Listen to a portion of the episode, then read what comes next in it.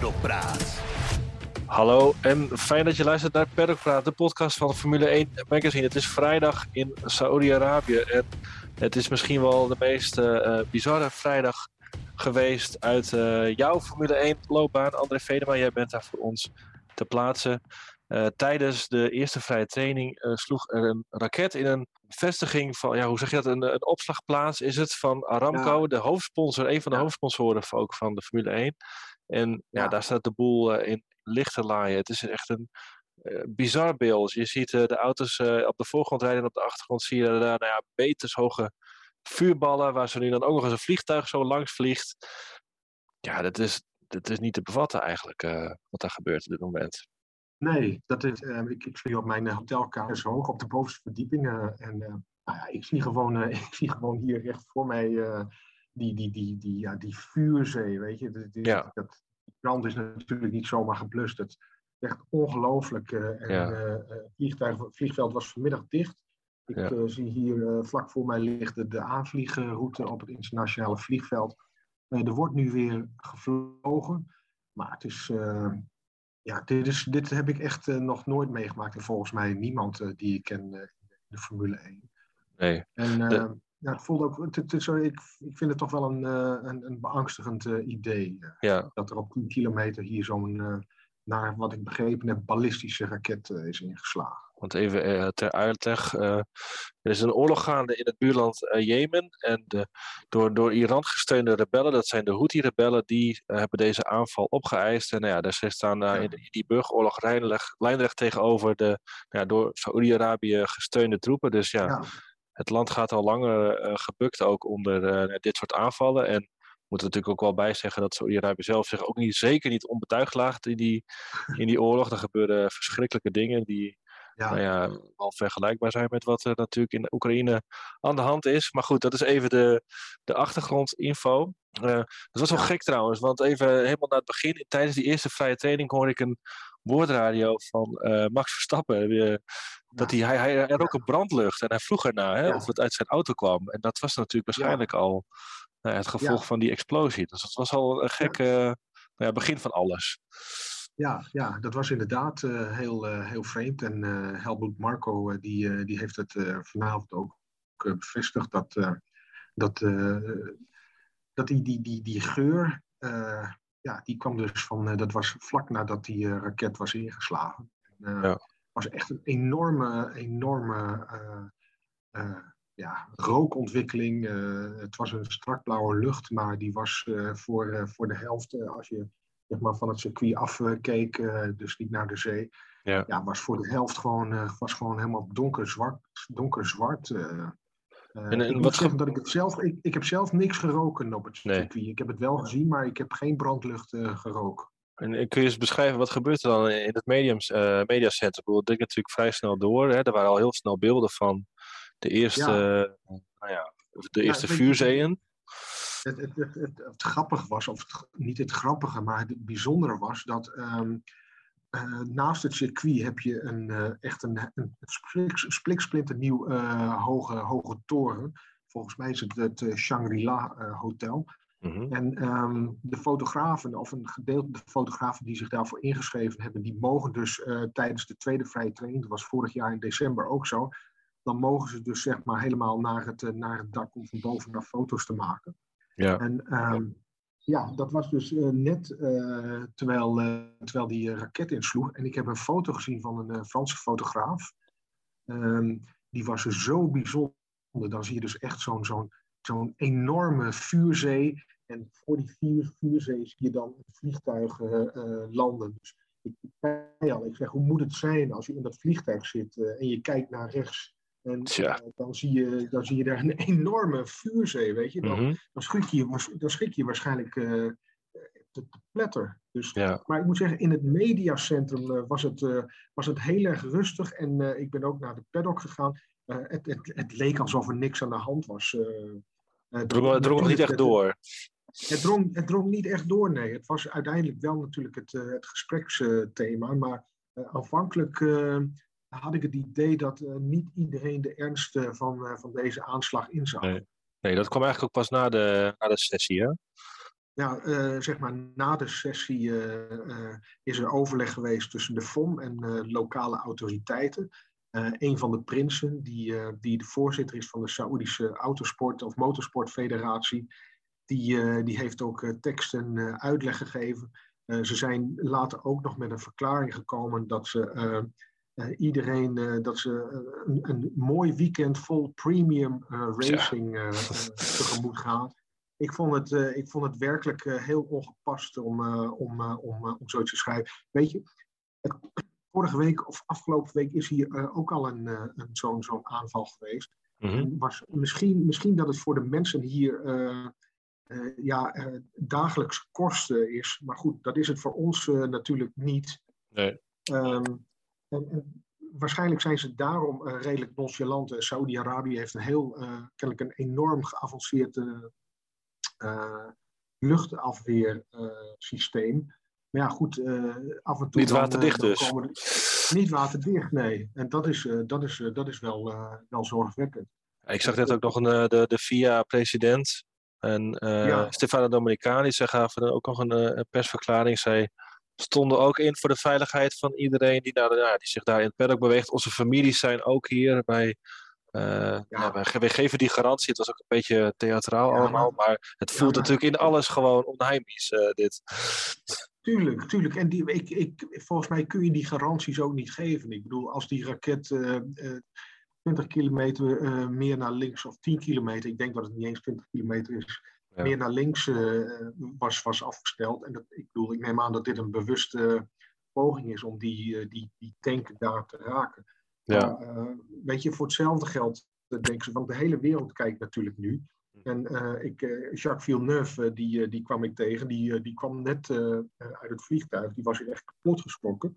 En die zei ook, ja, als, als die mensen echt heel erg slecht willen, hè, de, rijden, de, de wereld kijkt hiermee, er zijn coureurs van naam, er is veel publiek. Weet je, dan, dan kan er natuurlijk dan, dan kan er iets heel slechts gebeuren. Ja. Dus, en je, je, ik, ik, de vergelijking is misschien niet helemaal gepast. Maar weet je, als je dit zo ziet, dan, dan komt het dichtbij. Weet je, zoals de oorlog in Oekraïne eigenlijk ook dichtbij is gekomen. En dan heb je het over veiligheid en garanties. Mhm. En wie, uh, heel veel mensen hadden toch niet verwacht dat, dat Rusland Oekraïne zou binnenvallen. En eigenlijk dat hele land, of een groot gedeelte van het land zou, zou platgooien. Ja. Weet je, kennelijk moet er, er moet altijd echt eerst iets gebeuren voordat mensen of de wereld in, in actie komt. Ja. En daarom vind ik het, daarom vind ik het zo. Ja, weet je, je, je, iedereen wist dat ze met dit statement zouden gaan komen. Het is wat, ik wilde zeggen, je weet, je weet dat het gewoon doorgaat en dat, dat men alles wil behalve de boel afblazen. Het komt gegarandeerd, nou, die volgende gegarandeerd. Maar het is net als met, met andere sporten zo. Uh, de fameuze uh, one-liner van, uh, van, van Lewis Hamilton: Cash is king. Ja. Aramco is een van de zes partners van, van de Formule 1. Betaalt een godsvermogen daarvoor. ze hebben deze Grand Prix vorig jaar binnengehaald. ik heb begrepen dat ze bijna 100 miljoen per jaar betalen om hier de Grand Prix te kunnen organiseren. Dus dan, dan weet je het wel. Ja. dan, dan, dan, dan, dan geldt, geldt dus uiteindelijk toch uh, de drijfveer om ergens naartoe te gaan en ook om ergens te blijven. Ja. En de veiligheid die ze garanderen, dat is gewoon schijnveiligheid. Ja, en je ziet ook, met, je ziet ook echt een hele duidelijke scheiding, ook bijvoorbeeld op social media. Alle, ja, het journaal eigenlijk zegt, wat, wat zijn we hier aan het doen? Ja. Wat doen ja, we hier nog? ja. En aan de andere kant van die lijn, hè, bijvoorbeeld de mediasessies na de vrije trainingen, die werden al meteen afgekapt. Die zijn allemaal niet doorgegaan.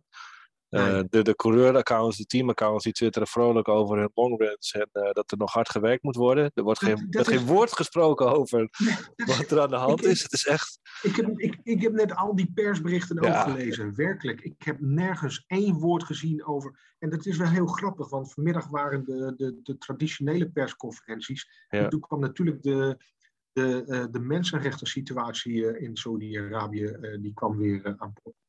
En dan hoor je sommige coureurs, weet je, die doen dan een poging om. eh, Het is goed dat we hier zijn, van- dat soort teksten. ja, ja hè, en Hamilton was nog steeds het meest uitgesproken van, eh, van, eh, van allemaal.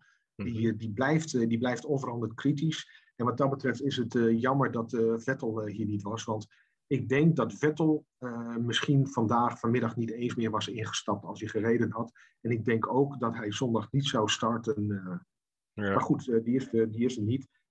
Ik heb wel gehoord dat er drie coureurs zijn die eigenlijk liever niet willen rijden zondag. Wie dat zijn, dat weet ik niet. Nee. Maar eh, ik zag ook, ik las net ook Helmoet Marco die zei dat Max Verstappen niet zo bang is, maar dat Perez, zijn teamgenoot, bijvoorbeeld wel vrij, vrij bang is. Dus ja, ja, misschien is hij een van de drie. Ik, ik weet het niet, maar mijn gevoel zegt dat, dat iedereen zondag keurig netjes op de grid staat. Ja, ja. En dan gaan we gewoon weer verder. En dinsdag ja. is iedereen weer thuis en dan ja, dan, dan is het voor altijd een, een, nare herinnering. Ja. En volgend jaar gaan we hier gewoon keurig netjes weer naartoe. Ja. Maar ik niet. Ik wil zeggen, heb je zelf niet, wat is jouw eigen nou ja, gevoel hierbij? Je gaat nog wel door zolang het, het evenement ook doorgaat? Ja, nou, kijk. of ben je er nog niet helemaal uit? Nou, kijk, Pim, mijn baas, die, die, onze uitgever, die, die, die belde direct en zei hoe gaat het en uh, voel je je veilig? En hij zei ook, uh, weet je, als je je niet uh, op je gemak voelt, pak gewoon als het kan het, het, het, eerste vliegtuig naar huis.